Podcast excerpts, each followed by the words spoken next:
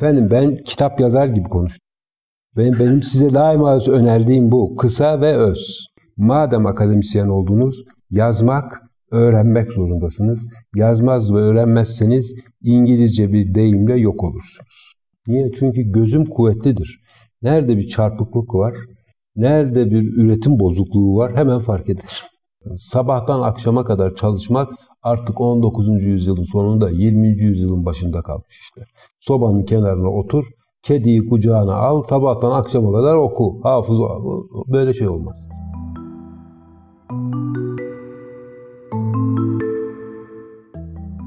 Ben Furkan Güventaş'tan. Hukuk Atölyesi başlıklı bu podcast serisinde alanında usta olan isimlere yalnızca yöntemlerini soruyorum.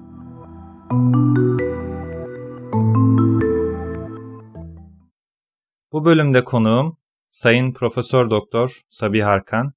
Hocam hoş geldiniz. Hoş bulduk efendim. Ben ilk soruyla başlamak istiyorum hocam. Buyurun efendim. E, fakülte yıllarınızla başlamak istiyorum. Nasıl bir öğrencilik geçirdiniz? Valla, e, buradan başlayabiliriz. Öğrencilik hayatım oldukça zevkli geçti.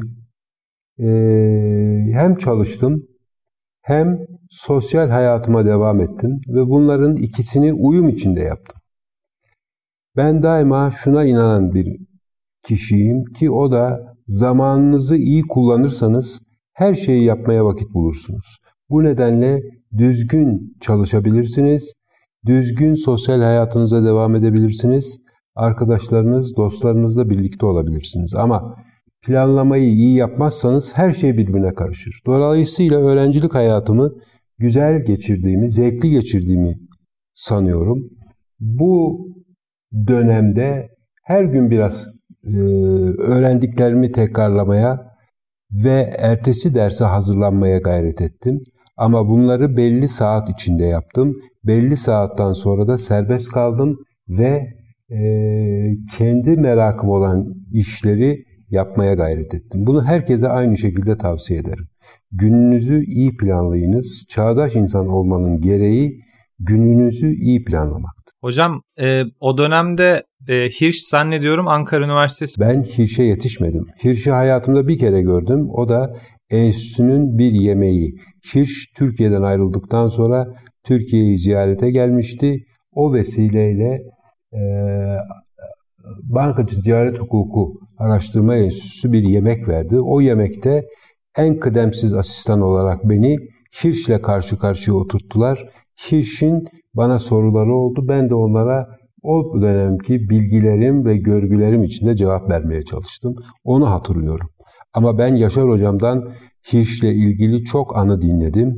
Hirsch'in e, özellikle seminer yapma konusunda hukukla, uygulamayla teoriyi birleştirme ve bu şekilde öğrencileri eğitme konusunda çok büyük çabaları olduğunu biliyorum.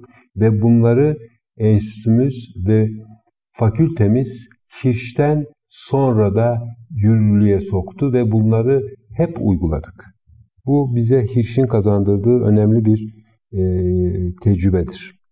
1969'da Ankara Hukuk Fakültesi'nde zannediyorum asistan olarak göreve başlıyor. Geçmişin Mart'ında başladım. Evet. E, o dönemden e, bugüne kadar uzun bir tecrübeniz var hocam. Şimdi de halen Bankacılık ve Ticaret Hukuk Araştırma Enstitüsü'nün e, müdürlüğü görevini yürütüyorsunuz. Ve aynı zamanda Atılım Üniversitesi Hukuk Fakültesi'nde öğretim üyeliğiniz devam ediyor. E, bu süre içerisinde sizi akademik olarak derinden etkileyen, size ilham veren hocalarınız oldu mu? Hiç şüphesiz oldu. Bunların başında benim kendi ticaret hukuk kürsüsü içinde hocalarım vardı. Bunların en kıdemlisi Yaşar Karayalçın'dı. Merhum hocamız Yaşar Karayalçın'dı. Yaşar Karayalçın gerçek bir bilim adamıydı. Ve Yaşar Hoca'nın e, metodundan, Yaşar Hoca'nın yol göstermelerinden, konulara yaklaşımından çok şey öğrendim. Bunların başında da e, ufak, büyük demeden her soruna ciddiyetle eğilmesi gelirdi ve sistematik bir yapı içinde ele almaya çalışırdı. Arkasından Ali Bozer benim kıymetli hocam. O da o da bu sene vefat etti.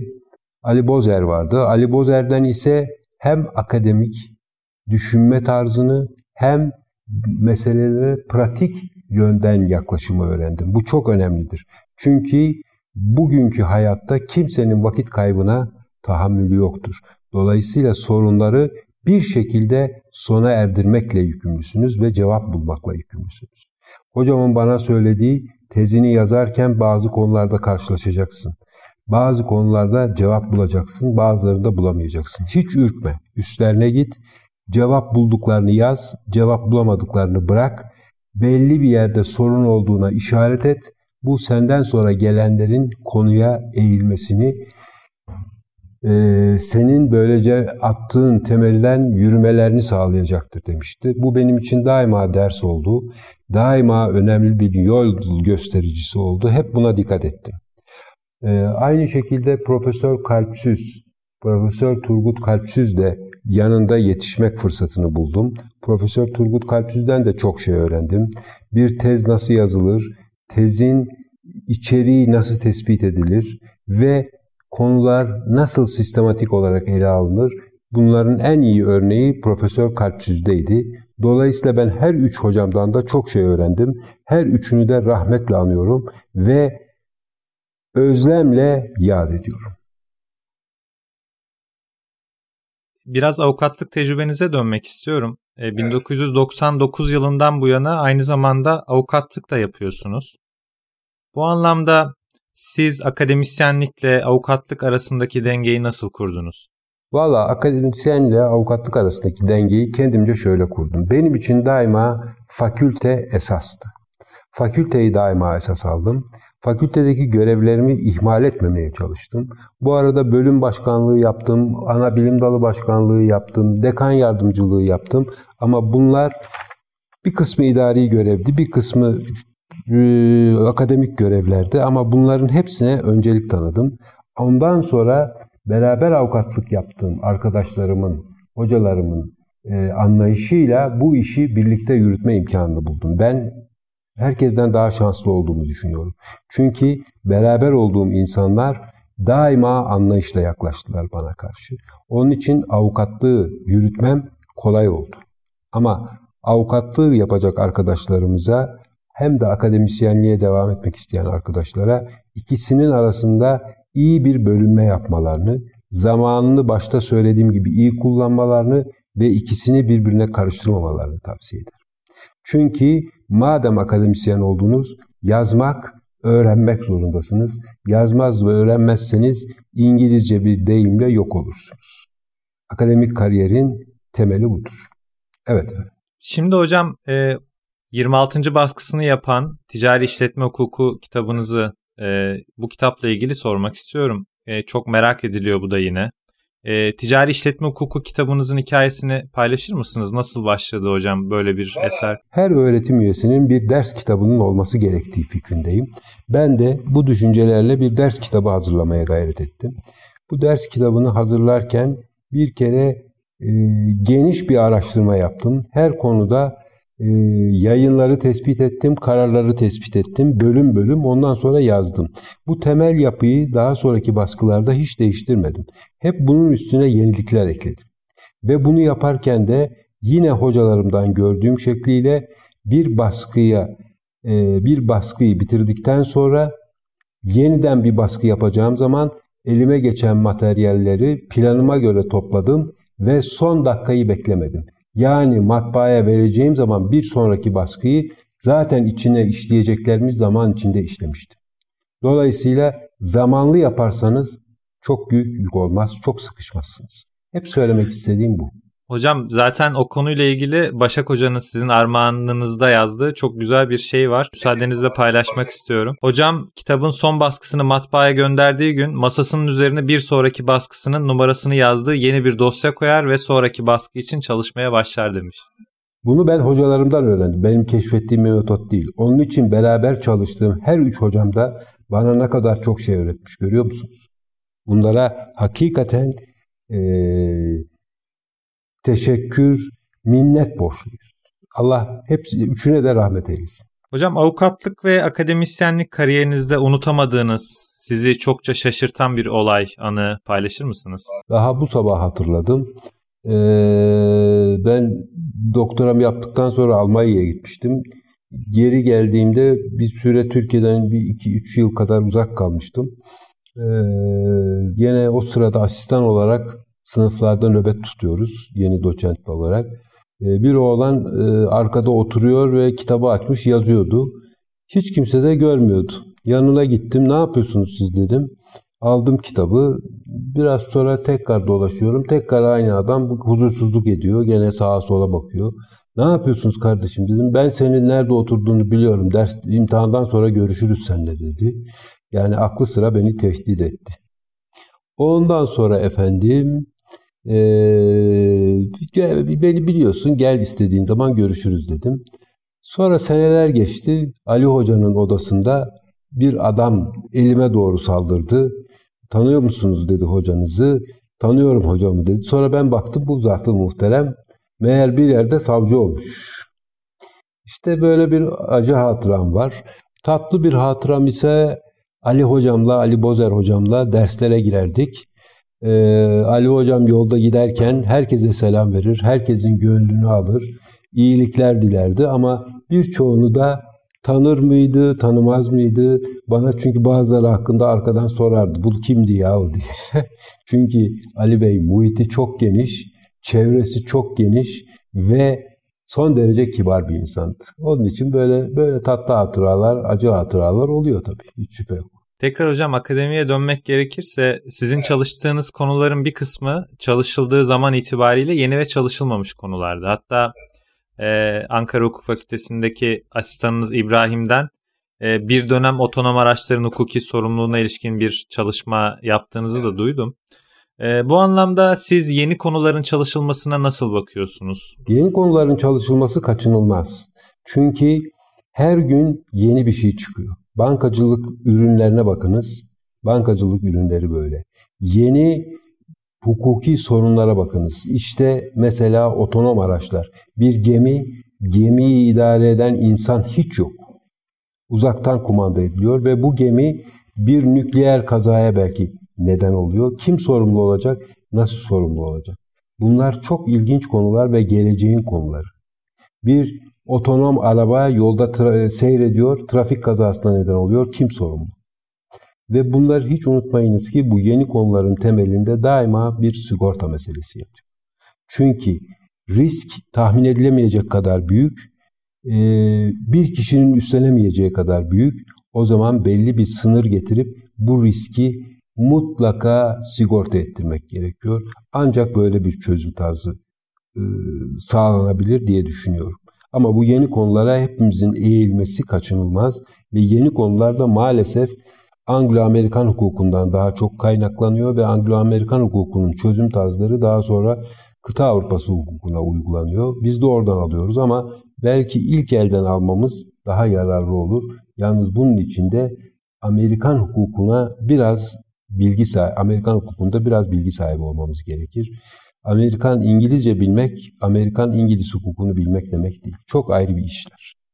İngilizce bilirseniz belki bir dereceye kadar ama asıl önemli olan işin iç yüzünü öğrenmek. İç yüzü için ise bıkmadan e, İngiliz, Amerikan kaynaklarına eğilmek ve sabırlıca okumak lazım. Hocam özellikle o soruyu sormak istedim çünkü hani e, bir kısım e, hocanın anlayışı da ilk önce Türk hukukunda klasik sayılabilecek, geleneksel sayılabilecek eski konulara ilişkin literatür oluşturulduktan sonra işte otonom gemilere, e, robotlara, yapay zekaya ilişkin bir şeyler çalışılsın. Hani bu konuda... Bu konuda düşüncemi hemen söyleyeyim. 4 senelik hukuk fakültesi eğitimi bu klasik konuları vermeye yöneliktir. Işte. Bu klasik konuları öğrendikten sonra burada edindiğiniz ilkeleri ve prensipleri yeni konulara uygulayacaksınız. Onun için birbirini tamamlayan bir bütünlük olarak düşününüz. 4 sene size bir hukuk fikri kazandıracak. Hukuk sistematiği kazandıracak, yorum kazandıracak. Bunun üstüne modern e, hukuki sorunlara eğileceksiniz. Onun için birbirini tamamlıyor bunlar. Ama bugünden siz öğrenci olarak e, veya daha hukuk hayatının başındayken otonom araçlar ve sorumluluklarına giderseniz çıkamazsınız iş için. Belli bir birikimin ardından. Belli bir birikimin ardından, belli bir hukuk kültürünün ardından. ve özellikle muhtelif sistemleri bilip bunlara göre bir çözüm üretmek. Yine hocam bir kitabınız e, çokça konuşulan neredeyse marka ile ilgili her eserde mutlaka atıf yapılan iki ciltlik marka hukuku eseriniz.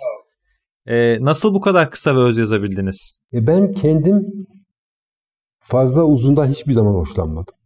Fazla uzun yazmak kısa yazmaktan daha problemlidir ve daha fazla sorunlara neden olur. Çünkü yazarsınız, baştaki fikri kaybedersiniz, sonda başka şey söylersiniz, tezat çıkar. Onun için ben bütünlüğünü kaybetmeden daima bir plan dahilinde kısa ve öz yazmaya gayret ettim. Temel meselelere değindim. Ayrıntılar o kadar önemli değil belki de. Ama daima e, okunabilir, anlaşılabilir, bütünlüğü olan eserler yazmaya çalıştım. Bu nedenledir. Bir akademisyen yani hukuk akademisyeni ya da avukat olmasaydınız meslek olarak neyi tercih ederdiniz? Valla ne tercih ederdim biliyor musunuz? Bir kalite kontrol uzmanı olurdum. Niye? Çünkü gözüm kuvvetlidir. Nerede bir çarpıklık var, nerede bir üretim bozukluğu var hemen fark ederim. Onun için öyle bir şey, e, başka konulara dikkatli değilimdir ama bir e, düz olmayan bir çizgi, e, kesintisiz bir akış, bir boya hatası daima görürüm. Onun için kalite kontrol uzmanı olurdum. Belki bir fabrikada görevlenirdim. Şeyden akan raydan çıkan araçları denetler, kalite kontrol uzmanı olarak okey verirdim veya reddederdim. O zaman hocam çalıştığınız, e, yetiştirdiğiniz öğrenciler ve ofisteki arkadaşlarınız bu anlamda şanslı olmalı. Niye? E çünkü yani ortaya çıkan ürünlerin hani kalite kontrolü... Yani dikkat ederiz işte. Dikkat, aslında ben e, hem akademik hayatımda hem e, avukatlık hayatımda çok şanslıyım. Çünkü çok iyi insanlarla, yardımcı insanlarla çalıştım anlayışlı insanlarla, her ikisinde de anlayışlı insanlarla çalıştım. Onun için her iki alanda da hiç kötü bir hatıram yok diyebiliriz. Hocam e, şimdi biraz başa dönmüş gibi olacağım ama şeyi merak ediyorum. Neden hukuku tercih ettiniz? E, benim için hukuk çok aykırı bir şey değildi. Çünkü şöyle söyleyeyim sen size. Benim büyük halam, büyük halamın kocası, annem, babam ve büyük babam, annemin babası hep hukukçuydu. Onun için ben ve bir de teyzem de hukuk profesörüydü. Onun için ben daima hukuk hayatının içinde büyüdüm. Yani tebliğname nedir, şu nedir, bu nedir daha ben yani çocuk yaşlarımda öğrendim. Onun için meslek seçerken de ne olayım diye düşünmedim. Hukuk benim için normal yolda, o yolda devam ettim. Hocam teşekkür ederim. Ee, ben Açıkçası daha uzun süreceğini tahmin ediyordum. Genelde öyle oluyor. Yani 8-9 soru 1 saati buluyoruz. Efendim ben kitap yazar gibi konuştum. Benim, benim size daima önerdiğim bu. Kısa ve öz. Ama ne yaptığınızı ne ettiğinizi iyi anlatınız. Lafı dolandırmaya gerek yok. Söylemek istediğim benim daima en son kısım galiba nasıl bitirmek istersiniz dediğim. Çağdaş insan olunuz. Çağdaş insan olmak demek rasyonel olmak demektir. Akılcı olmak demektir. Hurafeleri bırakınız, akılcı olunuz, zamanınızı iyi kullanınız ve kabilse bir lisan öğreniniz, bir yabancı lisan öğreniniz. Bu yabancı lisan size yeni ufuklar açacaktır, çalışmanızı kolaylaştıracaktır ve çalışırken de daima e, bir plan içinde, e, bir prensip içinde çalışmaya gayret ediniz. Belli saatlerde çalışınız, belli saatlerde çalışmayı bırakınız. Sabahtan akşama kadar çalışmak artık 19. yüzyılın sonunda 20. yüzyılın başında kalmış işte. Sobanın kenarına otur, kediyi kucağına al, sabahtan akşama kadar oku, hafız böyle şey olmaz. Modern hayat kimseye bu kadar e, prim vermez. Mutlaka hayatınızı düzene sokmak, çabuk çalışmak, doğru çalışmak ve zaman içinde bildiklerinizi tekrarlayarak çalışmanız gerekir. Onun için de zamana ihtiyacınız vardır. Ee, her şeyi birden öğrenmeye kalkarsanız hiçbir şey öğrenemezsiniz. Zaman içinde adım adım öğrenmeye gayret. Bunun için tekrar şarttır. Söylemek istediklerim bundan ibaret Furkan Bey. Hocam çok teşekkür ederim. Zaman ayırıp katıldığınız için keyifli bir röportaj oldu. Sağ olun. İnşallah öyle ümit ederim oldu. İyi günler, iyi akşamlar.